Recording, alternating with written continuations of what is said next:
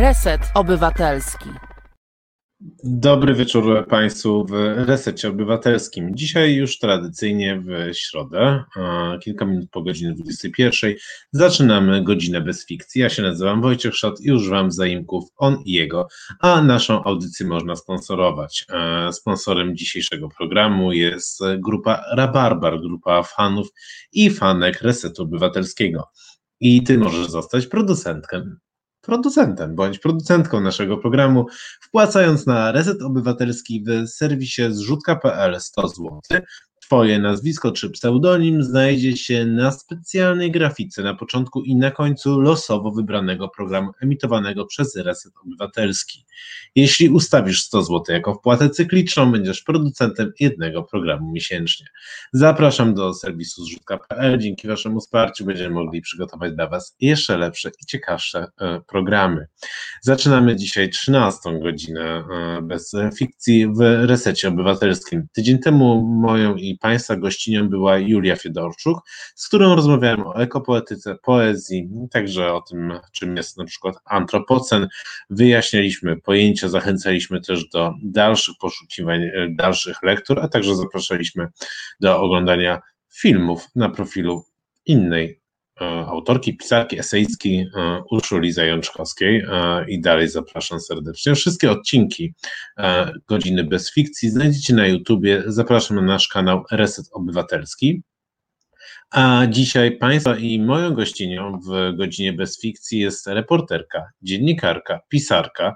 Dawniej byśmy tak boomersko powiedzieli nasza reprezentantka w Szwecji, albo nasza Polka w Szwecji. Tak kiedyś się zapowiadało e, ludzi z innych krajów, e, Polaków, Polki, którzy mieszkali w innych krajach, takie nasze rodzynki wyrzucone gdzieś tam za ocean. No dzisiaj już jakby e, tej narracji nie będziemy uprawiać, więc wystarczy, już tylko powiem, Katarzyna Tubyle Lewicz, e, Państwa i moją gościnią, autorka książki Samotny jak Szwed, o której dzisiaj będziemy rozmawiać. Dobry wieczór, Kasiu. Dobry wieczór, bardzo miło Cię widzieć i Państwa. e, rozumiem, że ze Szwecji. Ze Szwecji, tak, cały czas ze Szwecji. E, Państwa zachęcam do komentowania. Mamy podgląd na Wasze komentarze, na Wasze pytania, więc e, ja się do nich e, z przyjemnością odniosę e, w momencie, kiedy no właściwie przez cały czas i oczywiście postaram się o nich pamiętać, co mi się czasem zdarza, że zapominam. Mm, zacznijmy od Pipi Pończoszanki. Chciałaś nią zostać, czy ty nie chciałaś nią zostać? Nie, właśnie to jest ciekawe, że e, napisałam w mojej opowieści o różnych rodzajach samotności, e, że lubiłam bardzo książki Astrid Lindgren, ale kiedy byłam dzieckiem, to Pipi czy Fizia Pończoszanka, bo takie nosiła wtedy imię, kiedy czytałam o niej książki, e, wywołała, wywoływała we mnie jakiś rodzaj niepokoju i mnie drażniła. I doszłam do tego, że, mm, że, że że ona była taką dziewczynką, która może, którą może ja chciałam być, ale jeszcze nie miałam odwagi, a może wiązały się jakieś moje lęki przed samotnością, ówczesne lęki z tą postacią, dlatego nie do końca rozumiałam jej wielkość, ale dzisiaj e, jestem wielką fanką Pipi, między innymi dlatego, że mm, to była taka dziewczynka, która potrafiła przekuć E, samotność, to, że była e, dzieckiem bez rodziców, za to z koniem i małpku, e, w jakąś ogromną siłę i wielką radość bycia sobą. No się tak często zdaje, jak czytaliśmy książki dzieci, będąc dzieckiem, że to jest takie właśnie super nie mieć e, e, rodziców, mieszkać sobie samemu na jakiejś wysepce, co bardziej oddalony, tym chyba lepiej. A, a później jak ten człowiek patrzy na te bajki po latach, sobie myśli, ojej, to, to wcale nie takie łatwe zadanie ci bohaterowie i bohaterki mieli. No, dokładnie, dokładnie. Tak właśnie e, było z Pipi, ale, mm, ale to jest rzeczywiście niezwykle ciekawa postać i myślę, że e, czytanie książek o Pipi e, w dorosłym wieku, zwłaszcza, mm, zwłaszcza tak, taki feministyczny odczyt tych książek jest niezwykle interesujący i że to jest inspirująca i ważna postać. Mm, przepraszam, bo tu coś nam się zawiesza. Ja spróbuję w siebie zwiększyć przepustowość inter, internetu. Ważna feministycznie mówisz postać, ale tak się zastanawiam, bo jeszcze jest taka, wiesz, to jest też, też taki motyw. Oczywiście e, sieroty, która została wychowana przez, e, wiem, przywieziona z Indii, wychowana przez rodziców zastępczych jeszcze w bajkach, mamy takie motywy, ale właśnie jak się na to wszystko patrzy po latach, to my się mm, zaczynamy też myśleć o tym, że kurde, ta sam, samotność, którą oni przeżywali, to e, wcale nie jest chyba taka fajna, że, że e, dziecko do tego podchodzi bardzo, dużo bardziej naturalnie. Tak, ale zarazem e, ja upieram się, że właśnie e, dzieci mają często e, ogromny lęk przed samotnością w sobie, bo to jest ten lęk przed byciem to znaczy, każde dziecko ma świadomość, że kiedy nagle znikną jego rodzice, czasem nawet z zasięgu wzroku, e, to ono staje się bardzo bezbronne i jest zależne od innych dorosłych. E, I to jest taki lęk, który dzieci dość wcześnie mają w sobie, nawet jeżeli nie do końca są świadome, czym on jest. A poza tym ja z dzieciństwa pamiętam bardzo silnie taki lęk przed byciem w grupie nieznajomych dzieci, czyli właściwie samotność w tłumie, E, samotność wśród takich osób, które się dobrze znają i mają świetny kontakt, a ja jestem kimś spoza, e, to była chyba ta samotność, której się najbardziej w dzieciństwie bałam, ale to naprawdę e, był silny lęk. Nie wiem, czy wszystkie dzieci tak to odczuwają, ale, ale dla mnie to było coś bardzo takiego traumatyzującego. Na przykład wyjazd na kolonię to był jakiś koszmar, e, z którym żyłam w ogóle miesiącami e, przed wyjazdem. Potem jakoś sobie radziłam, ale bardzo się tego bałam. Ja sobie radziłem nie wyjeżdżając. No. Wtedy byłem też sam, samotny w niewyjeżdżaniu, więc jakby nie wiem co lepsze, ale wybrałem tą samotność. No to jest też, to jest też dobra metoda. Ja chyba, ja myślę, że ja mam bardzo niezależną naturę e, i dlatego, e, kiedy byłam dzieckiem, też źle funkcjonowałam w takich różnych e, sytuacjach, w których byłam wrzucona w jakiś kolektyw, na przykład właśnie jakiś wyjazd typu kolonie, obóz. To było jakieś, jakoś nie do końca zgodne z moją naturą. I mimo, że nic, złe, nic złego się nie działo i, i ja sobie też właśnie dawałam radę i zawsze miałam najbliższą przyjaciółkę, to te różne przeżycia, myślę, były dla mnie czymś niezwykle trudnym i one mnie w jakiś sposób e, ukształtowały mm, jako osobę dorosłą, która ma właśnie dużą potrzebę nadal niezależności i dużą świadomość też tego, że potrzebuję czasem być sama. Szwedzkie dzieci chyba, bo taka mówimy o tej grupie, że, że to jest taki lęk który później zresztą znam, towarzyszy trochę, to znaczy kiedy zaczynamy jako dorośli pracować w jakimś zespole, to też często musimy, nie wiem, się nauczyć w ogóle tej współpracy zespołowej. Jeden z bohaterów, albo bohaterów, jeszcze nie pamiętam, ktoś w swojej książce właśnie o tym opowiadał, że Szwedzi już za młodo uczą się tego, jak pracować w grupie właśnie, żeby może nie czuć się tak bardzo w niej samotni. Tak, to znaczy e, Szwecja jest w ogóle paradoksalna pod tym względem, bo ja opowiadam o społeczeństwie szwedzkim jako społeczeństwie wielkich indywidualistów, e, ludzi żyjących w państwie, w którego centrum zainteresowania znajduje się autonomiczna jednostka, a nie rodzina. Opowiadam o ludziach, którzy z reguły chętnie mówią o tym, że mają potrzebę bycia sam na sam ze sobą czasem, e, że tęsknią za samotnością na łonie natury i mają w sobie w ogóle bardzo dużo takiej dosyć zdrowej często osobności. E, I jest to społeczeństwo, w którym jest dużo dystansu, ale jednocześnie e, jest to społeczeństwo bardzo stadne i bardzo nauczone współpracy i takiej subordynacji w grupie. I te dwie przeciwstawne ze sobą cechy e, szwedzkiego społeczeństwa po prostu e, jakoś współistnieją i się e, uzupełniają, i rzeczywiście jest tak, że z jednej strony szwedzkie dzieci, ja to też mogę powiedzieć jako mama już dorosłego człowieka, który chodził do szwedzkich przedszkoli i szkół, oni się uczą współpracy niesamowicie wcześniej. Ja pamiętam, jak mój syn miał chyba 5 lat i mi mówił, że dostał e, punkty za dobrą współpracę przy budowaniu szałasów. E, także mm, ta, ta współpraca i działanie w grupie to jest coś zupełnie normalnego już w przedszkolu. W szwedzkich szkołach bardzo często pisze się różnego rodzaju sprawdziany, prace domowe wspólnie z kimś tak dalej. Później też jest na studiach, że bardzo często praca jakaś końcowa, semestralna jest pisana przez dwie osoby, przez trzy osoby. Mm, e, to jest zupełnie inna e, kultura, kultura uczenia niż e, w Polsce. Ale jednocześnie te same szwedzkie dzieci na przykład nigdy nie jeżdżą na kolonie. W Szwecji właściwie kolonie nie istnieją jako zjawisko. Hmm? Super, super, no. bardzo jestem za.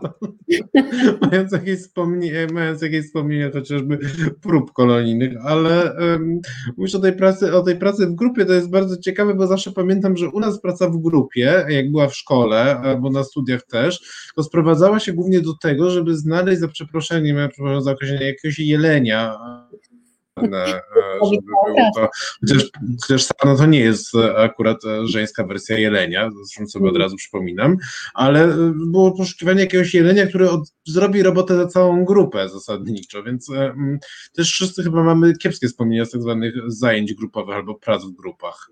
Tak, jak ja chodziłam do szkoły, to mam wrażenie, że w ogóle nie mieliśmy e, prac w grupach i, i dla mnie, ja e, skończyłam pierwsze studia w Polsce, ale e, w Szwecji też studiowałam. I pamiętam, że było dla mnie straszliwym szokiem, że nagle miałam napisać właśnie ważną pracę na stopień istotny z kimś wspólnie ja w ogóle nie mogłam zrozumieć tej sytuacji, że jak to mam pisać z kimś, jak to razem. E, e, więc, e, więc to rzeczywiście było coś, co za moich czasów chodzenia do szkoły w Polsce i za moich czasów uniwersyteckich w ogóle nie było częścią edukacji. Ja myślę, że to się e, zmieniło, mm, ale, ale w Szwecji e, rzeczywiście jest niezwykle dużo tego typu rozwiązań. Nawet egzaminy ustne potrafią być zdawane w grupach, e, w liceum, różne egzaminy są w ten sposób organizowane. Mm, to jest zupełnie inne myślenie o uczeniu, które ma swoje ogromne zalety i oczywiście oczywiście także wady. Ale zalety w uczeniu może mieć też właśnie w tym, że tak jak e, pamiętam w tej rozmowie było jeszcze o tym, że właśnie, że Szwedzi się e, dużo lepiej pozorom niż Polacy odnajdują small talku, którym e, no, my mamy takie, raczej nie wiemy jak go, czasem wiemy jak go zacząć, ale przeważnie chyba nie wiemy jak go skończyć, a Szwedzi w tą grę kulturową dużo, dużo lepiej dają sobie radę. Tak, bo Szwedzi są, e, można by powiedzieć, e, tak trochę upraszczając, e, że jest pewną prawdą o Szwedach, mm, że jest w tym społeczeństwie jakaś taka nieśmiałość, która powoduje, że powiedzmy sąsiedzi rzadziej ze sobą rozmawiają niż sąsiedzi w Polsce, że dłużej trwa zawieranie przyjaźni, że nawet mm, na spotkaniach towarzyskich ludzi, którzy dobrze się znają. Ta rozmowa często jest trochę mniej dynamiczna e, niż e, dyskusje polskie. To też wiąże się z ogromnym lękiem przed konfliktami, który powoduje, że w Szwecji dyskusje polegają głównie na zgadzaniu się e, ze sobą. Mm, ale jednocześnie Szwedzi są w szkole uczeni bardzo wcześnie retoryki, bardzo wcześnie są uczeni występowania przed dużą grupą ludzi. I to, że e, Szwedzi są często tak bardzo sprawni w różnych e, takich międzynarodowych działaniach, jak na przykład promocja szwedzkiej literatury na świecie, e, jak e, mm, szwedzka dyplomacja, która jest doskonała, jak e, różnego typu jakieś sprawy związane z przedsiębiorczością i tak dalej. Generalnie Szwedzi spotykani w różnych takich międzynarodowych kontekstach charakteryzują się tym, że po pierwsze dobrze znają angielski, e, co wiąże się też z tym, że angielski i szwedzki są podobne do siebie fonetycznie, więc Szwedom jest łatwiej się nauczyć angielskiego niż na przykład Polakom. Ale um, oni też charakteryzują się taką bardzo dużą pewnością siebie i rzeczywiście smalltalk w takiej sytuacji, jak na przykład przyjęcie urodzinowe duże, bardzo często to wygląda tak w Szwecji. E, takie przyjęcia na 40, 30, 50 urodziny e, są z reguły ogromne, jest na nich bardzo dużo ludzi, strasznie dużo przemówień, wszyscy przemawiają, są świetnie przygotowani i bardzo często sadza się gości w ten sposób, że, że, że są rozsadzane pary, e, że są mieszani ze sobą ludzie, którzy niedobrze się znają albo w ogóle się nie znają, czyli ląduje się przy stole na wiele godzin, na przykład z kimś, kogo się w ogóle nie zna. I ze Szwedami w takiej sytuacji nie ma nawet sekundy e, takiego jakiegoś skrępowanego milczenia. Oni po prostu idealnie wchodzą w rolę, że okej, okay, teraz jest taka sytuacja i ze sobą rozmawiamy i świetnie w tym funkcjonują, ale potem e, może się okazać, że ta sama osoba spotkana, nie wiem, dzień później, e, tylko gdzieś pomacha ręką i w ogóle nie będzie już żadnej rozmowy, bo na tym poziomie spontanicznym pozostaje nieśmiałość, ale na poziomie takim, że jesteśmy na przykład na przyjęciu dyplomatycznym, pamiętaj, że ja mam to doświadczenie, byłam dyplomatką polską w Szwecji, więc wiem też, jak się zachowują ludzie w takich sytuacjach, to Szwedzi są mistrzami. Oni po prostu brylują e, i dobrze się e, odnajdują w rozmowach z ludźmi, których dopiero co poznali. E, jeżeli mają jakąś rolę, zadaną, to ją świetnie wykonują. I w tym sensie można powiedzieć, że być może duża część tego społeczeństwa to są e, introwertycy, bo jak dowiadujesz, dowiedziałeś się pewnie z mojej książki, z rozmowy z Linusem Jonkmanem, świetnym pisarzem, który jest sam introwertykiem i o introwertykach pisze, Cechą introwertyków mm, jest nie to, że właśnie są aspołecznymi odludkami i nie potrafią rozmawiać z innymi ludźmi, e, tylko cechą introwertyków jest to, że oni odpoczywają w samotności, że potrzebują pobyć sami, żeby naładować swoje baterie, że obcowanie z innymi jest dla nich wymagające, często męczące, ale jednocześnie introwertycy potrafią być doskonali e, właśnie w wystąpieniach publicznych, e, w takich sytuacjach, kiedy odgrywają jakąś konkretną rolę, bo oni po prostu e, w tę rolę wchodzą, są do niej dobrze przygotowani i świetnie w niej funkcjonują. I tutaj myślę, że właśnie Szwedzi pasują do tego obrazu introwertyka. E, te mm, paradoksy, e, o których wspominasz e, z rozmowy z Jankmanem, są też rozmowy ze Stiną Oscarsą, którą mam tu otwartą właśnie, mm, gdzie ty mówisz, twierdzisz więc, że nie należy mylić szwedzkiego indywidualizmu z akceptacją samotności i bohaterka odpowiada, jesteśmy raczej bardzo kolektywistyczni. W Szwecji panuje ogromny lęk przed nienależeniem do grupy. Jest silna tendencja do owczego pędu, a z drugiej strony właśnie wydaje nam się, że jest to kraj, gdzie wszyscy są nauczeni właśnie, tak jak ty mówisz, pewności siebie e, i tego bycia taką silną jednostką, a kraj jest skoncentrowany właśnie w przekazie na osobie, a nie na grupie, którą, którą jest rodzina, więc jakby też e, e, rzeczywiście niesamowicie ciekawe jest połapanie się właśnie w tym pomiędzy tym introwertycznością, niezależnością, a jednocześnie tym, że tak jak e, twoi rozmówcy mówią, w Szwecji, kiedy jest jakiś problem, to ludzie się gromadzą, żeby podjąć decyzję i go naprawić, zmienić coś, a u nas e, w Polsce, kiedy jest jakiś problem, to zasadniczo się rozpieszchamy i zaczynamy się wtedy kłócić z jak najdalszych stron sali albo grupek na Facebooku, więc tak. to rzeczywiście rozgryzanie tych paradoksów to jest e, niezwykła przygoda. Tak, ale myślę, że można to wytłumaczyć na przykład tym, e, że e, w Szwecji istnieje ogromne zaufanie, po pierwsze w ogóle zaufanie społeczne, że ludzie, którzy spotykają się na ulicy czy w jakichś różnych sytuacjach życiowych, raczej nie spodziewają się po sobie czegoś złego i bardzo duże jest także zaufanie do państwa. Pamiętajmy, że Szwecja to cały czas nieźle funkcjonujące państwo opiekuńcze, które mm, w dużej mierze zastępuje jednostce to bezpieczeństwo, e, które w Polsce jednostce zapewnia rodzina oraz e, kontakty. E, w Szwecji jest tak, że jeżeli komuś się podwinie noga, jeżeli ma problemy finansowe, jeżeli coś się sypie w jego życiu prywatnym, to nie musi pędzić do rodziców z prośbą o pomoc i nie musi e, szukać pomocy e, wśród bliższych i dalszych krewnych. E, pierwszą instancją, do której się zwróci, będą przychylne instytucje państwowe. Oczywiście czasami coś nie działa, o tym świetnie pisze Maciej Zaręba, to państwo opiekuńcze nie jest doskonałe, jak nic na tym świecie, ale jednak taka jest zasada. I dlatego Szwedzi są bardzo indywidualistyczni w swoim myśleniu o prywatnych relacjach i na pewno mają zupełnie inny stosunek do rodziny e, niż na przykład Polacy, ale też niż Niemcy czy Włosi.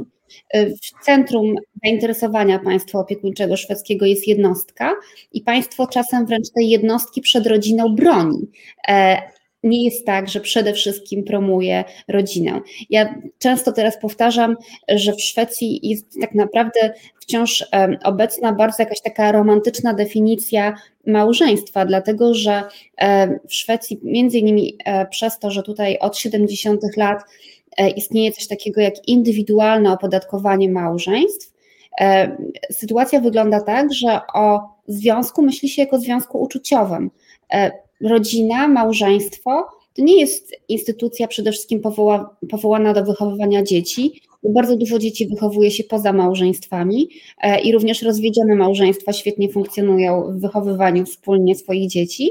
Związek małżeński czy nieformalny ma być przede wszystkim związkiem ludzi, którzy się kochają, ma ich łączyć uczucie. Kiedy uczucie się kończy, to można się rozstać. E, I tutaj, tutaj jest ten szwedzki indywidualizm.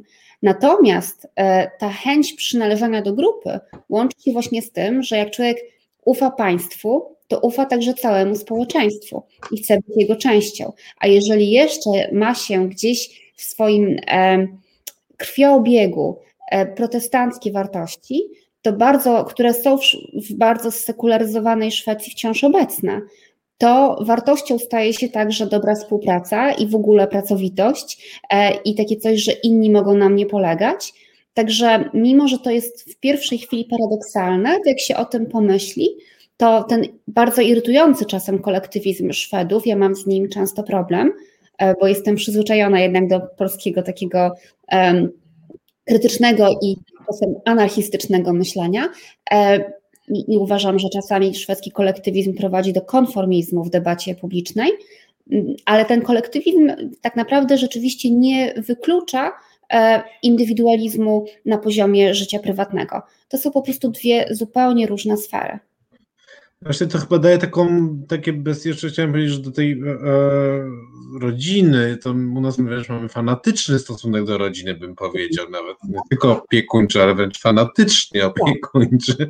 E, rzeczywiście niesamowite, bo w Polsce są chyba cztery warunki, e, które małżeństwo musi ze sobą e, jakby spełniać e, jako organizacja i jest to, jedno z nich jest rzeczywiście reprodukcja i nawet jeżeli, jeżeli nic by nie istniało więcej, istniałaby tylko funkcja reprodukcyjna, no to dalej jakby państwo nasze uważa, że jest to małżeństwo, które spełnia standardy, a mówisz o tych właśnie stosunkach pomiędzy e, kolektywi kolektywizmem, indywidualizmem, to jest chyba tak, że to mi się wydaje, że jakby kiedy masz takie bezpieczeństwo e, społeczne, ładu społecznego, tak byśmy go nazwali, roboczy sobie, e, to dużo łatwiej jest chyba e, właśnie być, zdecydować się na tą samotność, czy jakby żyć w samotności, to czy ją tak. nazwiemy samodzielnością w ogóle, bo powrót do społeczeństwa, w cudzysłowie, nie mówię o takim wielkim powrocie do społeczeństwa, ale e, e, bo powrót do tego społeczeństwa z tej pozycji samotniczej nie jest trudny właściwie. Wkluczenie się nie jest, e, nie wymaga jakiegoś wielkiego wysiłku. Tak, to znaczy w ogóle bycie singlem nie jest czymś wykluczającym, także dlatego, że aż 40% Szwedów żyje w samodzielnych gospodarstwach e, i, i dlatego, że mm, w Szwecji e, bardzo duża jest e, mobilność społeczna polegająca też właśnie na tym, że ludzie dość często się rozwodzą, 50% małżeństw się rozpada. Mm, kiedy się rozwodzą, to nie mają problemu z tym, żeby od razu zamieszkać oddzielnie. W mojej książce Vincent Sewerski zauważył celnie, że ta szwedzka samotność jest także po prostu funkcją dobrobytu, że ludzi stać na to, e, żeby mm. samotnie, jeżeli mają na to ochotę. A ponieważ nie ma w Szwecji tej takiej opresyjnej rodziny, bo pamiętajmy, że w Polsce z jednej strony mamy państwo, które, które rodzinę czci, ale mamy też ogromną opresyjność rodziny, czasem niewyczuwalną e, od razu, czasem ukrytą pod dużym, taką pierzyną ciepła i, i sympatyczności, ale ta opresyjność polega na tym, że rodzina jednak ma bardzo dużo e, oczekiwań względem jednostki. I ja myślę, że w Polsce dużo ludzi, którzy e, żyją samotnie, albo na przykład w nieformalnych związkach, albo w innych związkach niż ta święta polska rodzina, to, to cierpi nie z tego powodu, że ich życie tak wygląda, tylko z tego powodu, że mają wokół siebie e, bliskich członków rodziny, którzy albo im współczują, albo mówią, kiedy wreszcie się ożenisz, czy wyjdziesz za mąż. E, I, I po prostu jest taka silna presja, żeby u wszystkich to wyglądało podobnie. A tego w Szwecji naprawdę nie ma, bo w Szwecji także rodzina może mieć bardzo wiele różnych kształtów od tego, że rodzina tęczowa w Szwecji naprawdę nie jest niczym w ogóle, to nie jest temat dyskusji, to jest coś oczywistego i ta rodzina tęczowa może mieć różny charakter, może być na przykład taką rodziną, e, gdzie jest e, dwóch mężczyzn, e, którzy są parą i dwie kobiety, które są parą i oni wspólnie mają dzieci. W ten sposób na przykład stworzył rodzinę polski pisarz, którego ja tłumaczyłam, szwedzki pisarz, którego ja tłumaczyłam mhm. Jonas Gardel. On ma dzieci właśnie e, z, swoim partnerem, mężem e, i z parą e, lesbijek i, i, i we czwórkę te dzieci wychowywali. Także w Szwecji jest bardzo dużo różnego typu możliwości tworzenia i związku, bo można być na przykład związkiem, który nie mieszka razem, jest na to formalna nazwa serbu, jeżeli żyje się w związku sambu, to ładnie brzmi, po polsku konkubinat niezbyt ładnie, w związku partnerskim, to ma się też takie same prawa jak e, małżeństwo, także, także e, jest bardzo duża tolerancja względem tego, jak człowiek sobie to prywatne życie buduje. I oczywiście ta samotność, którą ludzie często świadomie wybierają, ma też jakieś swoje cienie i w mojej książce pojawia się rozmowa z Erikiem Gandini, reżyserem świetnego moim zdaniem filmu Szwedzka teoria miłości, który opowiada także o niechcianej samotności, o takim indywidualizmie, który prowadzi wręcz do jakiejś E, jakiegoś, jakiejś nieumiejętności dobrego funkcjonowania w społeczeństwie. Także na pewno istnieje także taka strona e, skrajnego indywidualizmu, ale pozytywną stroną tego indywidualizmu jest także fakt, że w Szwecji e, jakąś taką wartością jest rozwój stawianie na swój rozwój. Ludzie, kiedy na przykład lądują sami ze sobą, nawet w momencie, w którym tego nie wybrali, łatwiej odnajdują się na nowo, ponieważ stawiają na swój rozwój. Rozwój, czyli zaczynają e, uczęszczać na jakieś zajęcia, nie wiem, spinaczki, jogi, chodzą na, do klubów książki e, i to, że oni się rozwijają jest bardzo pozytywnie odbierane przez innych ludzi, więc znowu nie są otoczeni tym takim trochę chyba odbierającym siłę i radość życia e, współczuciem, że o, jesteś sam, jest ci na pewno tak trudno. Tak, u nas chyba z e, małżeństwem czy z byciem w związku jest troszeczkę tak jak z pracą na etat. To znaczy, moi znajomi często opowiadają, że się boją przyznać rodzicom, że rzucili pracę na etat i wybrali e, freelance. E, I trochę tak samo jest chyba z małżeństwem u nas, że, że czy związkiem, że musi być właśnie, musi być ta, trwa, ta trwałość, która wcale przecież nie jest, nie jest jakoś dużo bardziej trwalsza ze względu na to, że inaczej ją nazwiemy, ale to, to, to ciekawe wszystko, co mówisz o rodzinie w Szwecji, 40% mm, e, tak zwanych singli, e, a to wszystko mówi kobieta żyjąca w związku 2 plus 1, absolutnie tradycyjnym, e, tradycyjnym modelu związku. No tak, tradycyjnym, ale, ale ja mm, też nigdy nie mówiłam, że, że, że, że zawsze tak musi być. To znaczy, mi się wydaje po prostu, że mm, że, że trzeba mieć otwartość na to, że ludzie mogą e, wybierać sobie takie życie, jakie chcą. E, I ja nigdy nie uważałam, że mój model życia jest jedynym właściwym, a także nigdy nie powiedziałam, że mój model życia jest jedynym właściwym na całe moje życie. To znaczy, ja zawsze uważam, że że jakaś mądrość życiowa polega na zrozumieniu tego, że wszystko się zmienia i że ludzie też są bardzo różni i warto to zaakceptować po prostu i lubić, że tak jest. E, ja, tak Państwo dobrze komentują, że są problemy z internetem e, z mojej strony, z, dokładniej z obrazem. To prawda, są problemy, więc musimy sobie radzić w taki sposób, e, w jaki sobie radzimy. Ja będę próbował pokazać Państwu, mam nadzieję, że to się uda przez nasze kamery i moje łącza, odrobinę fotografię.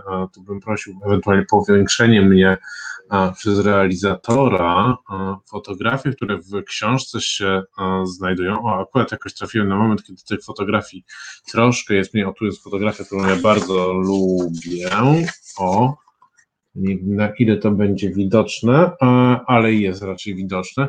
Fotografie w książce Samotny jak Szwed, jeszcze chwilkę będę jeszcze pokazywał, o na przykład takie krajobrazy. Ten akurat nie jest taki płaski jak mazowiecki, ale trochę w kierunku Gór Świętokrzyskich. O proszę. Autorem fotografii jest Daniel Tubylewicz. Młody fotograf, jeszcze nie bardzo znany fotograf, a prywatnie syn autorki Katarzyny Tubylewicz. Tak. No pewnie, pewnie to pytanie pada będzie padać w każdej e, rozmowie, e, którą będziesz o tej książce miała. E, no ale no to co to jest za pomysł, żeby tak nagle tak kolektywnie, Kasia, samotność, Szwecja, a ty się zachowujesz właśnie jak Szwedka, kolektywnie. no właśnie, no nie, właśnie nie do końca. To znaczy, to jest tak, że Daniel i ja jesteśmy oboje jedynakami i oboje bardzo dobrze rozumiemy niezależność, a ponieważ e, jedynacy często mają taką relację z rodzicami, że rodzice są trochę rodzicami, a trochę rodzeństwem, e, to u nas tak się jakoś stało, że, że my się z Danielem po prostu bardzo przyjaźnimy, więc e, kiedy pracujemy razem, bo to już drugi raz się zdarza, bo Daniel robił też zdjęcia e, do mojej książki o Sztokholmie, ale myślę, że ta nowa książka pokazuje też niesamowity rozwój Daniela i te zdjęcia to jest zupełnie coś innego e, i one są rzeczywiście e, rewelacyjne. Dodam, że to wyglądało tak, że my e, odbyli, odbyliśmy wiele wspaniałych podróży po Szwecji e, i bawiliśmy się e, podczas tych podróży genialnie, bo mamy, przez to, że jesteśmy podobni, także podobny sposób podróżowania, że lubimy spontaniczność, zmienianie planów, że lubimy jechać długo przed siebie, nic nie mówić, słuchać dobrej muzyki. I, I rzeczywiście mm, byliśmy w, na wielu szwedzkich wyspach, jeździliśmy po takich wspaniałych krainach jak moje ukochane Österlen w Skanii albo zachodnie wybrzeże Szwecji z takimi niezwykle dramatycznymi, e, skalistymi wybrzeżami, Bohuslän e, i e, ale trzeba powiedzieć, że Daniel pracował bardzo niezależnie ode mnie, tak niezależnie ode mnie, że pomimo tego, że my pracowaliśmy nad, znaczy ja pracowałam nad książką półtora roku i mm, prze, przez te półtora roku Daniel robił zdjęcia. On zrobił ich niesamowicie dużo. E, oczywiście to, co mamy w książce, to jest tylko wybór. Ale ja zobaczyłam te zdjęcia, które są przeznaczone do książki po raz pierwszy tydzień przed wysłaniem ich do wydawnictwa, bo Daniel ze mną bardzo dużo rozmawiał o książce i kiedy jeździliśmy, to on mi pokazywał różne rzeczy, ale pracował całkowicie oddzielnie. On ma taki rodzaj właśnie e, wewnętrznej wolności i, e, i, i, nie lubi być kontrolowany ani sprawdzany, e, że, mm, że, że, praca, że ta praca miała w sobie też elementy bardzo samotnicze. Więc w tym sensie ta książka jest eksperymentalna, bo Daniel zrobił zdjęcia, które znajdują się, myślę, w takim bardzo ciekawym dialogu z tekstem, ale to nie jest tak, że on robił ilustracje do e, moich tekstów. E, w pewnym momencie ja też opowiadam o jego zdjęciach, te nasze dwa projekty w jednym spotykają się ze sobą, ale to jest naprawdę jakiś niezależny, poetycki projekt fotograficzny, Także nie wiem, czy pracowaliśmy właśnie jako kolektyw. Myślę, że, że pracowaliśmy jak e, jedynacy, że tak wiesz, blisko siebie, ale oddzielnie. No to tak po szwedzku. No tak, no właśnie mi się wydaje, że tak, no, ale, ale też po bo na przykład przerywamy sobie, jak rozmawiamy. To znaczy, tak, a to nie jest szwedzkie. Także mamy dużo elementów e, wniesionych e, z kultury polskiej. Teraz, e, teraz dzięki e, łączom internetowym i temu, że na wszelkiego rodzaju Zoomach i e, innych narzędziach, takich jak StreamYard, na którym jesteśmy, e, przerywanie sobie sprawia, że po prostu wszystko się zacina i nie słychać nikogo, e, to my też mamy teraz bardzo trudną lekcję właśnie nie przerywania sobie, nawet w e, rozmowach czy wywiadach, gdzie i tak człowiek zasadniczo mniej sobie przerywa, ale jednak trochę się wchodzi często w słowo. Teraz mamy taką lekcję właśnie tego, że za każdym razem zasadniczo musimy doczekać końca i dopiero wtedy e, coś powiedzieć. I muszę powiedzieć, że jest takie doświadczenie e, od strony nawet dziennikarskiej też całkiem ciekawe, że rzeczywiście przerywanie sobie i wchodzenie sobie e, w głos, nawet w dobrej absolutnie wierzę, nie mówię, że to jakieś takie zagłuszanie siebie, tak, nie, nie o tym mówimy. Rzeczywiście jest bardzo, bardzo w ogóle ciekawym doświadczeniem pandemicznym. No właśnie, jak już mi pandemia słowo padło, które mam nadzieję, że jeszcze YouTube ani Facebook go tak nie powodują, że tak pip, pip, pip się pojawia, jak już człowiek to mówi po raz miliardowy, no to w społeczeństwie szwedzkim, które jest właśnie tak zindywidualizowane, ale jednocześnie potrafiące współpracować, e, stawiające na jednostkę, e, a jednocześnie jest tam sporo przestrzeni, e, bo wielu rozmówców, na przykład, którzy i w Twojej książce, i z innych opowieści, po prostu wynosiło się na przykład ze Sztokholmu do domków pod Sztokholmem na wyspy, w inne miejsca w czasie pandemii ta, myślisz, że pandemia w Szwecji spowoduje, e, nie wiem, wzrost ilości singli, na przykład ilości liczby singli? Czy, czy to w ogóle jakby w takim społeczeństwie jak szwedzkie, no to właśnie to całe dystansowanie się i tak dalej e, dużo łatwiej przechodzi? Hmm. Nawiązujesz do tego, że e, w Chinach po tej pierwszej fali pandemii było dużo rozwodów przez to, że ludzie siedzieli sobie na głowie cały czas.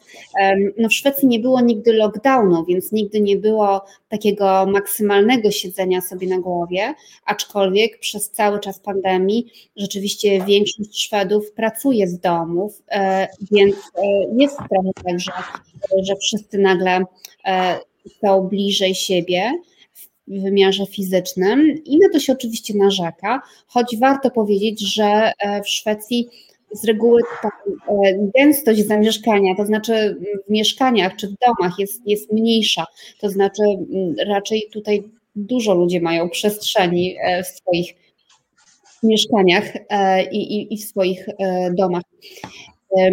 Ja myślę, że pandemia nie zmieni Szwecji tak, jak w tej chwili zmienia wiele różnych innych krajów, dlatego że ta osławiona szwedzka strategia, tak inna od innych krajów, tak kontrowersyjna, choć tak naprawdę nie aż tak strasznie różna, tylko że w Szwecji po prostu nigdy nie było takich narzucanych z góry restrykcji, nigdy nie było nakazów, tylko były zalecenia. Ale w Szwecji też nie było takiego straszliwego strachu. Ja tutaj, będąc, nigdy nie miałam poczucia, że mamy do czynienia z jakąś apokalipsą. E, rzadko spotykam ludzi, którzy są przestraszeni Rzadko spotykam ludzi w maseczkach, chociaż w tej chwili należy je nosić, e, kiedy jeździ się mm, metrem, w ogóle w, w transporcie e, publicznym.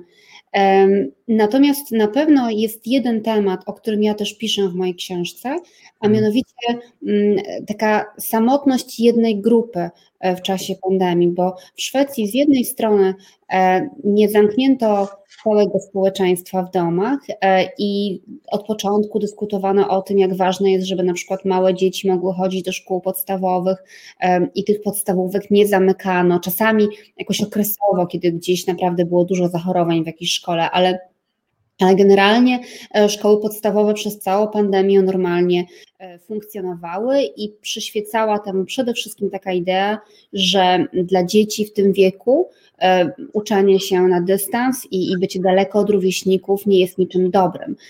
Tak samo przedszkola były cały czas e, otwarte. E, czyli życie się toczyło tak w miarę normalnie, choć jednocześnie unika się spotkań towarzyskich i ludzie organizowali wigilię na powietrzu, żeby spotkać się ze starszymi członkami rodziny, nie w domu. I, i, i, i tak jak powiedziałam, naprawdę większość Szwedów pracuje z domu i było tak tak, że nawet latem, kiedy w Polsce panowała pełna wolność, a Szwecja wtedy była mhm. cały czas w tym samym rygorze, e, ale ta grupa, której od początku mówiono, że wy musicie unikać e, spotkań towarzyskich, wy nie możecie chodzić do kawiarni, wy macie się izolować, to byli ludzie powyżej 70 lat. E, I w mojej książce mm, ja rozmawiam z Ewą Heller-Eggblad, mm, bardzo ciekawą postacią, psychoterapeutką, która w ogóle mm, jest dzieckiem uratowanym z Holokaustu. Ona była ukrywana w warszawskim getcie. E, Ewa ma 80 lat i podczas pandemii rzeczywiście właściwie cały czas e, no, zachowywała się tak jak kazano, czyli unikała kontaktów z ludźmi.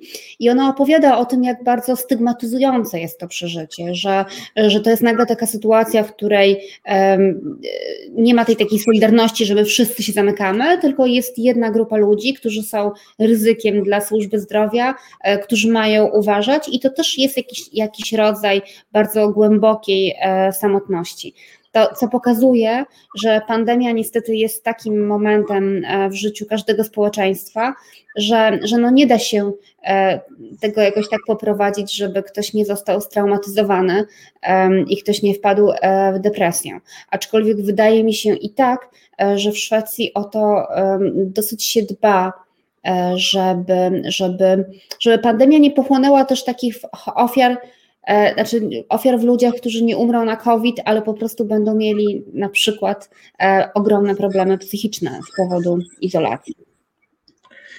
No tak, e, w Polsce, jeżeli chodzi o opiekę psychiatryczną, to oczywiście każdy z nas łatwo w internecie może znaleźć wiadomości, jak ona wygląda, jeżeli chodzi o dostępność.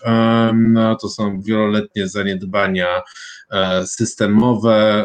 E, psychiatria dzieci i młodzieży, jak wiemy, praktycznie nie istnieje w tej chwili, jeżeli chodzi o publiczny, dos o publiczny dostęp. E, także prywatnie nie jest wcale tak łatwo, a ceny, a ceny są odrobinę z kosmosu, więc jakby no u nas to tak, to, ale też ciekawe u Ewy Heller-Eckblad jest bardzo, bo ona jest rzeczywiście bardzo w tym wywiadzie, w tej rozmowie, rzeczywiście ona zaskakuje, to znaczy ona mówi chyba właściwie jako jedyna tak mocno mocno e, przeciwko tej sytuacji, w której się znalazło. To jest takie, przerzucam, e, bo zawsze w takich momentach się to gubi.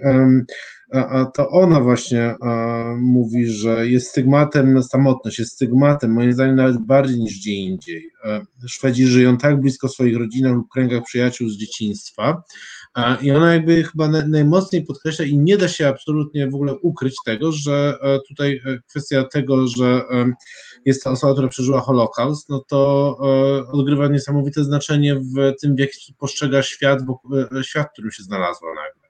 Tak, ja myślę, że ona e, w pewnym sensie to, co ona mówi, koresponduje z tym, o czym opowiada Stina Oskarsson, która twierdzi, że Szwedzi mają tendencję do takich homogenicznych przyjaźni, do tego, że mm, właśnie obcują albo e, z ludźmi, których poznali w swoim dzieciństwie, albo przyjaźnią się naprawdę z ludźmi podobnymi do siebie, czyli na przykład wykonującymi podobną pracę e, i że to jest coś, co także sprzyja rodzeniu się samotności, bo jeżeli człowiek po prostu nie należy do jakiejś bardzo konkretnej grupy społecznej podobnych do siebie ludzi, no to zostaje gdzieś e, z boku.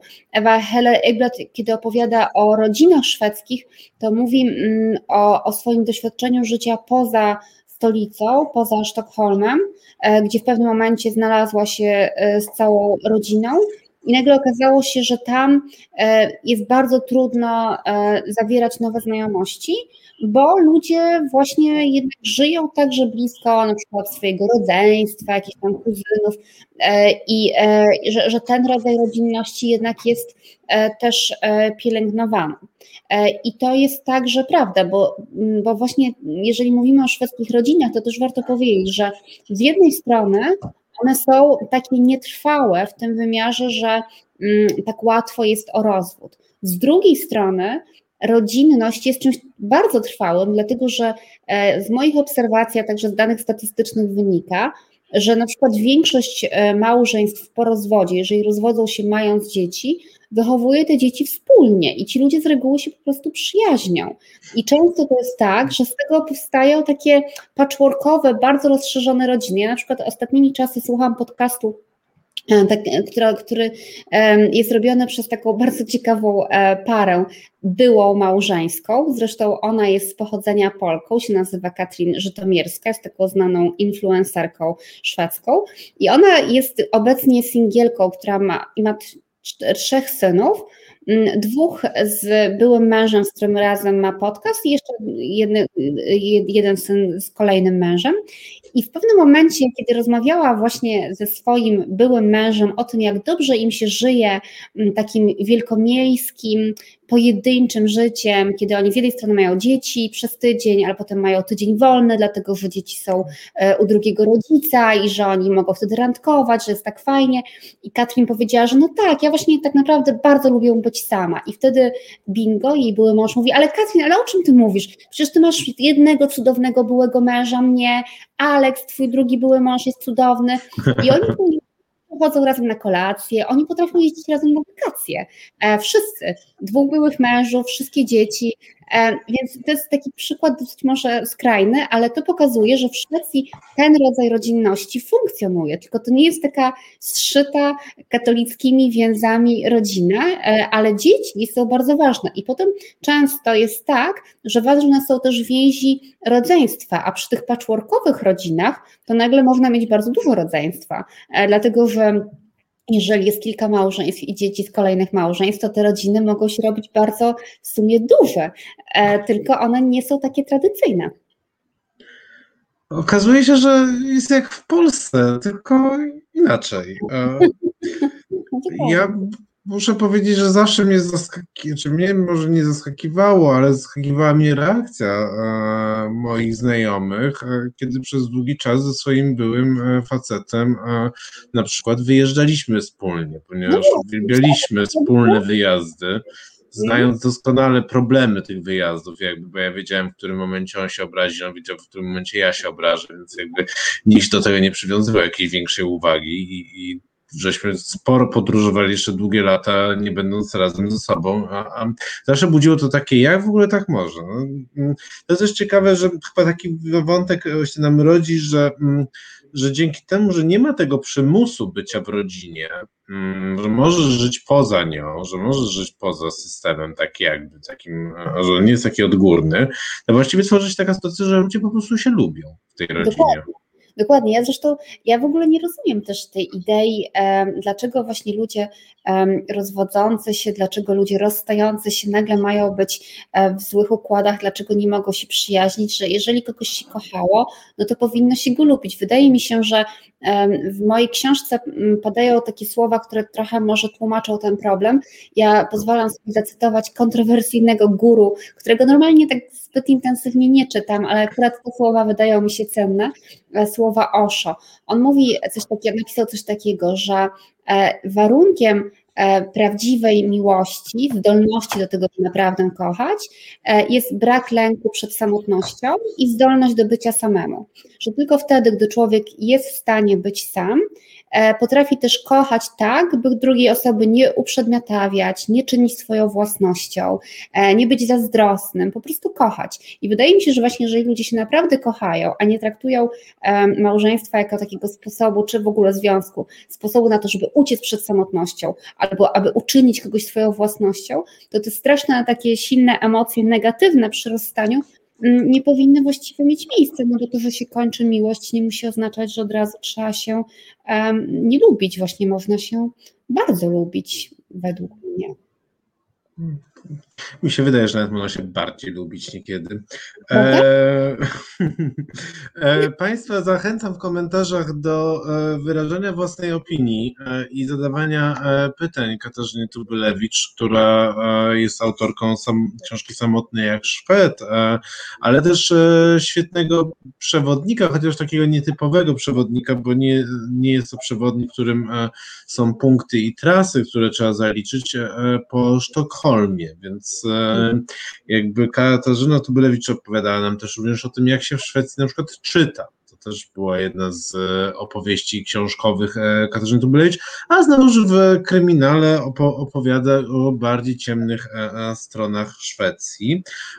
Więc jeśli macie pytania do kogoś, kto Szwecję zna bardzo dobrze, a jest cały czas zainteresowany poznawaniem tejże Szwecji, bo to jest jakby też widać w tej książce i każdej twojej książce to, to że wiedza jest czymś, co cały czas przyrasta i jakby cały czas masz różne pyta pytania i poznajesz ten, ten kraj.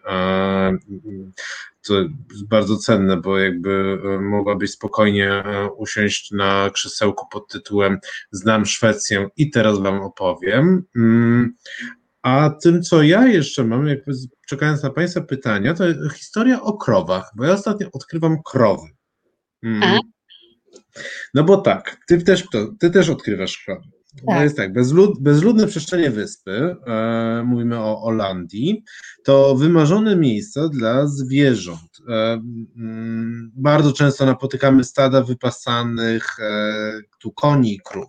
Te ostatnie przeżywają trawę tak wolno i z tak błogim wyrazem wielkich, ciemnych oczu, że sprawiają wrażenie medytujących bogiń zawieszonych w nicości między niebem a ziemią. W hinduizmie święta krowa była przedstawiana jako idealne połączenie nieba i ziemi, dwa, Dyawa Prithvi. Krowy na Holandii wydają się pokrewne tej mistycznej istocie. Hmm, czytałaś Magnasona?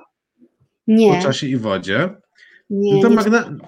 A widzisz, bo, Mag... bo Magnason odkrył połączenie pomiędzy właśnie e, krowami e, mitycznymi ponieważ w islandzkiej e, mitologii, e, zwłaszcza, to krowa jest e, zwierzę, mitycznym zwierzęciem, które daje początek światu.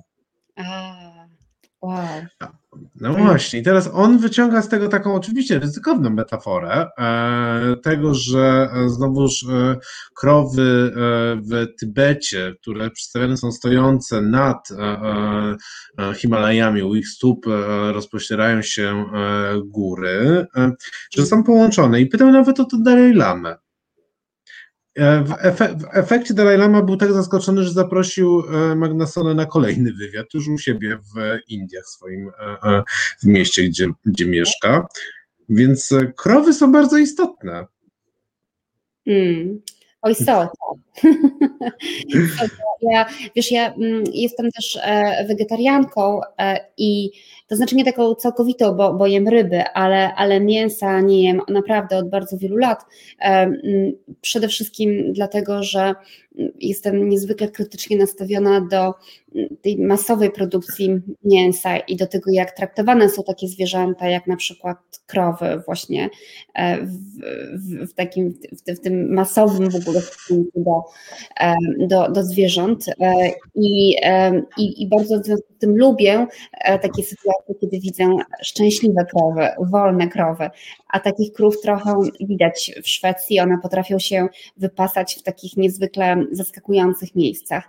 A z kolei Daniel, mam wrażenie, że fotografuje ciało krów, zresztą zrobił tych zdjęć dużo więcej, mam nadzieję, że z tego jakaś wystawa kiedyś powstanie, mm, e, bo to ciało się staje, znaczy to, to jest jakaś taka historia o, o niezdolności naszej, ludzkiej, e, takiego całkowitego zrozumienia natury, dlatego że jak zauważyłeś, Daniel z reguły pokazuje tylko jakiś taki kawałek krowy. To jest trochę, ja pamiętam siebie samą, to znaczy historię o sobie, mnie, którą mi opowiadała moja mama, że jak zabierała mnie, kiedy byłam mała do zoo, to ja nigdy nie mogłam zobaczyć słonia, bo on był dla mnie za duży. Widziałam e, tylko jakiś kawałek nogi, ale nie potrafiłam objąć wzrokiem słonia. Ale jest też coś takiego, że my tak zupełnie nie rozumiemy natury i tak bardzo nie rozumiemy zwierząt i wydaje mi się, że, mm, że, że w Danielach zdjęcia widać, tak, zdjęciach widać taką fascynację tymi zwierzętami, ale on jednocześnie pokazuje naszą jakąś niezdolność objęcia tego, czym one są, kim one są. Więc i, i te ciała stają się też jakimiś takimi krajobrazami samotności, także naszej ludzkiej w relacji e, ze światem zwierzęcym, który często wykorzystujemy w sposób straszliwy, co jak sądzę także doprowadziło mi do pandemii. No tak, e, możemy e, poświęcić na pewno audycję na, ten, na temat właśnie tego, jak to jak to nasze e, pomysły e, żywieniowe chyba odzwierciedlają się tym, że aktualnie nie możemy usiąść w restauracjach? Mm, cóż, mm, przynajmniej w Polsce jeszcze przez jakiś czas pewnie nie, nie usiądziemy. Mm, rzeczywiście e, fotografie zwierząt Daniela są takie ewidentną fascynacją, ale też z próbą właśnie niepokazania całości. To rzeczywiście jest takie, taki brak e, jakby całego mm -hmm, widoku, tak. który jest im życzeni, że no koń jest tak jak e, w Nowych Atenach księdza Chmielowskiego, jest jak, jak każdy widzi. No się okazuje, że ten koń nie do końca, a ta krowa to już w ogóle nie tak jak każdy widzi. Ja poza, zachęcam do googlowania wszystkich bogiń, które e, są krowami w mitologiach. To jest świetne zajęcie w ogóle. Mhm. To jest fascynujące zajęcie. Mm, polecam w szczególności Herę, boginię Herę, która była według Homera krowio oka, mm, ale polscy tłumacze i tłumaczki uznając, że krowa to jest takie mało niezbyt atrakcyjne zwierzę, żeby tutaj boginię porównywać z krową, jednak tłumaczą e, ją na, na przykład wielkooką e, albo pięknooką, gubiąc jakby absolutnie sedno e, tego symbolu. Więc powrót do krów, proszę Państwa. Jeżeli mamy w dzisiejszym programie o samotności coś polecić, to polecam samotność razem z krowami. Mm, mm. Tutaj też e, krowy się znajdują i jestem absolutnie zachwycony tym, że my się na, tej na tych dwóch stronach z tymi krowami znowu spotykamy. To jest absolutnie Fascynujące Państwo mają do nas, czyli do Katarzyny Tubylewicz e, pytania, a także różne stwierdzenia, jak na przykład, e, e, że nasze, nasze istnienie doprowadziło do pandemii. No powiedzmy, że może niekoniecznie aż samo istnienie, ale było tutaj pytanie, które Waldek zadał. Jak się ma samotny Szwed i alkohol? Jak się ma alkohol do samotności? Samo, samotny Szwed i alkohol. E, no, mm, Szwecja to jest kraj, który miał ogromne problemy z alkoholizmem w pierwszej połowie XX wieku, jak w ogóle wiele krajów skandynawskich. I dlatego w tych krajach bardzo ogranicza się e, sprzedaż alkoholu. E, w Szwecji mm, alkohol można kupować tylko w sklepach specjalnych, monopolowych, które się nazywają System Bulaget i w normalnym sklepie spożywczym nie można kupić wina, ani nawet e, mocnego piwa. E, I te sklepy System Bulaget po pierwsze nie ma ich wszędzie, po drugie one na przykład są nieczynne w niedzielę, a w sobotę są czynne tylko do e, 15.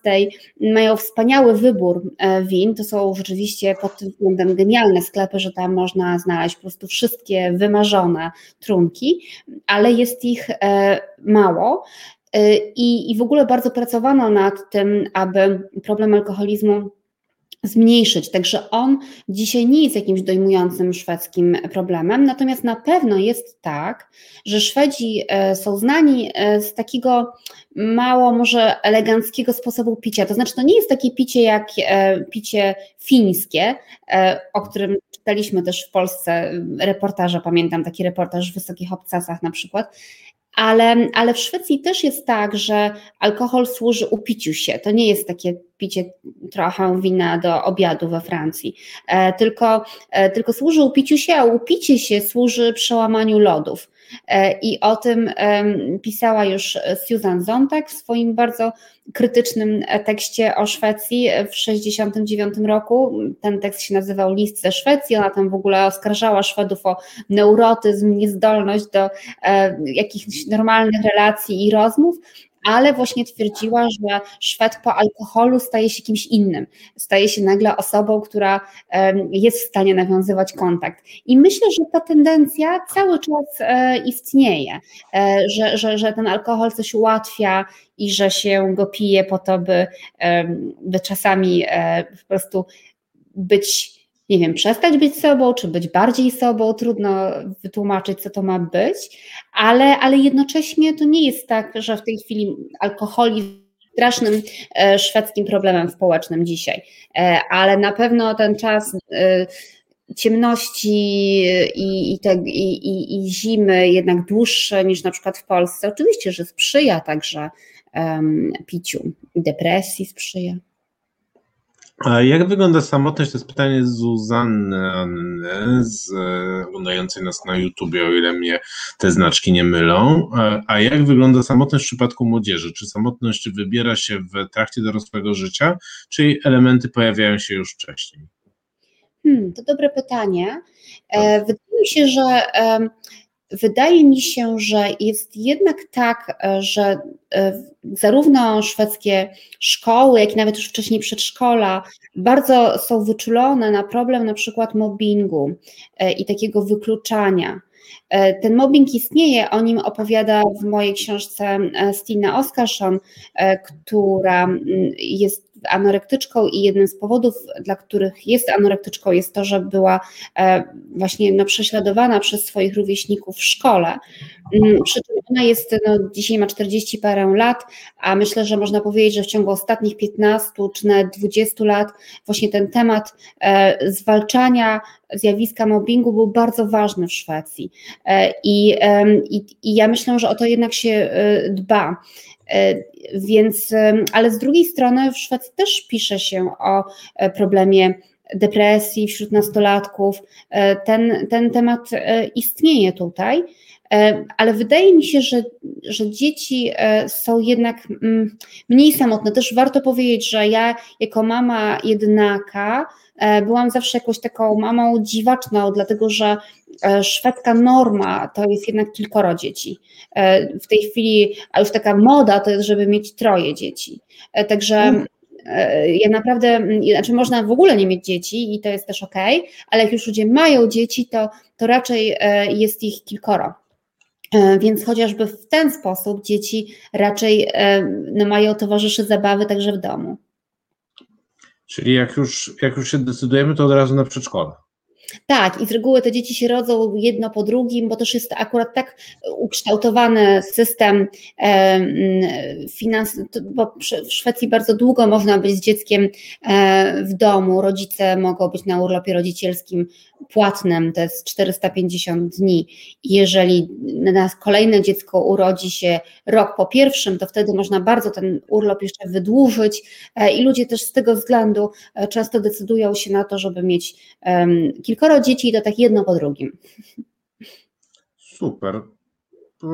U nas w tej chwili, e, u nas, znaczy w Polsce, tej chwili, co Państwo też mogą oczywiście łatwo, łatwo znaleźć w Google, trwa dyskusja na temat tego, czym jest 500 plus i jakie ma, jakie są e, skutki e, planowane, jakie były, a jakie są skutki 500 plus i co nam to, i ile ono też teraz wynosi. To jest bardzo ciekawe właśnie w porównaniu e, podejścia jakby, które najpierw mm, mm, no, takiego modelowania społeczeństwa z góry za, za pomocą pieniędzy pieniędzy, które są oczywiście słuszne i jakby nie ma w ogóle tutaj e, e, większej dyskusji na ten temat, ale nie dając żadnego innego wsparcia, więc jakby e, o czym też przypominał ostatnio strajk kobiet. Wsparcie jest przede wszystkim w formie przedszkoli dla wszystkich dzieci i dzieci do przedszkola idą natychmiast po tym, e, jak kończy się ten długi urlop e, rodzicielski. E, i te przedszkola są bezpłatne mm, i, tu jest jakaś, myślę, pierwsza bardzo ważna cegiełka, a poza tym jest cała masa różnego typu jeszcze form pomagania, łącznie z tym, że rodzice oboje dzieci do ósmego roku życia mają pełne prawo, by pracować mm, w wymiarze 80%. E, nawet jeżeli mają jakieś bardzo ważne stanowiska, to pracodawca nie może powiedzieć nie, bo musimy mieć tutaj kogoś na 100%. Także to powoduje, że, że ludzie mają czas na dzieci i stać ich na dzieci. E, I, i to mienie dzieci nie jest taką, taką znaczy nie ma jakiegoś takiego problemu, poświęcania się i walki o to, żeby jakoś w ogóle ta rodzina mogła e, funkcjonować w wymiarze organizacyjnym i finansowym, bo tutaj rzeczywiście państwo na różne sposoby pomaga. To z moje doświadczenie jest bardzo gdzieś mniej wielkie, ale pamiętam doświadczenie zarządzania zespołem, w którym były e, kobiety, matki e, i które, jak to wiadomo, z dziećmi, no co jakiś czas wydarzają się jakieś historie choroby, ktoś kogoś pobił, zęby się straciło czy coś, no jakieś takie różne przypadki się zdarzają. I, pamię i pamiętam takie ja byłem bardzo tym zdziwiony, że te osoby właśnie były takie bardzo przestraszone, mówiły, o przepraszam, ja muszę się zwolnić, to było takie na zasadzie, że tutaj ojej, ojej, jak bardzo nie powinnam tego robić, a no ja tak miałem podejście raczej na zasadzie, no, no masz dziecko, no to jedziesz do tego dziecka, no bo co masz zrobić, no przecież w ogóle nie mamy o czym rozmawiać, tak? Jakby chyba jest jasne, co tu będzie, e, co będzie na pierwszym miejscu, tak żebyśmy później mogli dalej razem pracować na siebie, patrząc tak w miarę okej. Okay. Więc to, to są niesamowite historie, które mam nadzieję, że poświęcimy rzeczywiście jakąś audycję, bo e, historię w stosunku naszego państwa do e, tego, co nasze państwo niby promuje, na, na przykładach kontra, tak, jak Katarzyna Tubylej nam teraz opowiada, są rzeczywiście absolutnie fascynujący. Proszę Państwa, ponieważ jak zawsze, godzina bez fikcji zawsze przeradza się w jakąś godzinę 10 bez fikcji. E, szczęśliwie jeszcze w resecie obywatelskim nikt po mnie nie następuje, ale kiedyś to nastąpi i ja będę musiał się naprawdę nauczyć, e, żebyśmy w tej godzinie się bez fikcji mieścili. E, tak więc ja bardzo serdecznie Państwu dziękuję za, za słuchanie, za komentarze, pytania. Katarzynę Tubylewicz bardzo dziękuję za rozmowę. Dziękuję ogromnie, bardzo miło. Samotny jak Szwed ze znakiem zapytania właśnie, bo ten znak zapytania tutaj jest najważniejszy, bo tą samotność różnie możemy sobie definiować i chyba to, co mnie najbardziej w naszej rozmowie i w lekturze uderzyło, to to, że właśnie kiedy człowiek ma bezpieczeństwo, współczesny człowiek, bo nie mówimy o człowieku w XIX wieku, jakimś romantyku, który szedł sobie na Matterhorn na przykład. Człowiek ma bezpieczeństwo, które daje mu społeczeństwo i państwo, które to społeczeństwo zasadniczo tworzy, to człowiek może być samotny, jakby jest to całkiem przyjemne doświadczenie, może to być, a nie żadna opresja. Mm, no i z tą myślą Państwa zostawiamy dzisiaj. A za tydzień e, Państwa i moją gościnią, i znowu będzie tęczowo, a nawet będzie tak tęczowo, że bardziej tęczowo być się nie może, e, będzie Joanna Krakowska e, i będziemy rozmawiać o queerowych performansach w Nowym Jorku, ale też tych queerowych performansach tuż pod naszymi oczami w Polsce się dziejącymi o ostatnich latach, a także w ogóle o tym, czym jest queer i, i tak dalej, więc zapraszam na takie mocne szkolonko z queeru. Dzięki Kasia. Dzięki, dobranoc. Dobranoc Państwu, dziękujemy. Dziękujemy. Reset Obywatelski. To był program Resetu Obywatelskiego. Subskrybuj nasz kanał na YouTube, obserwuj na Facebooku i Twitterze.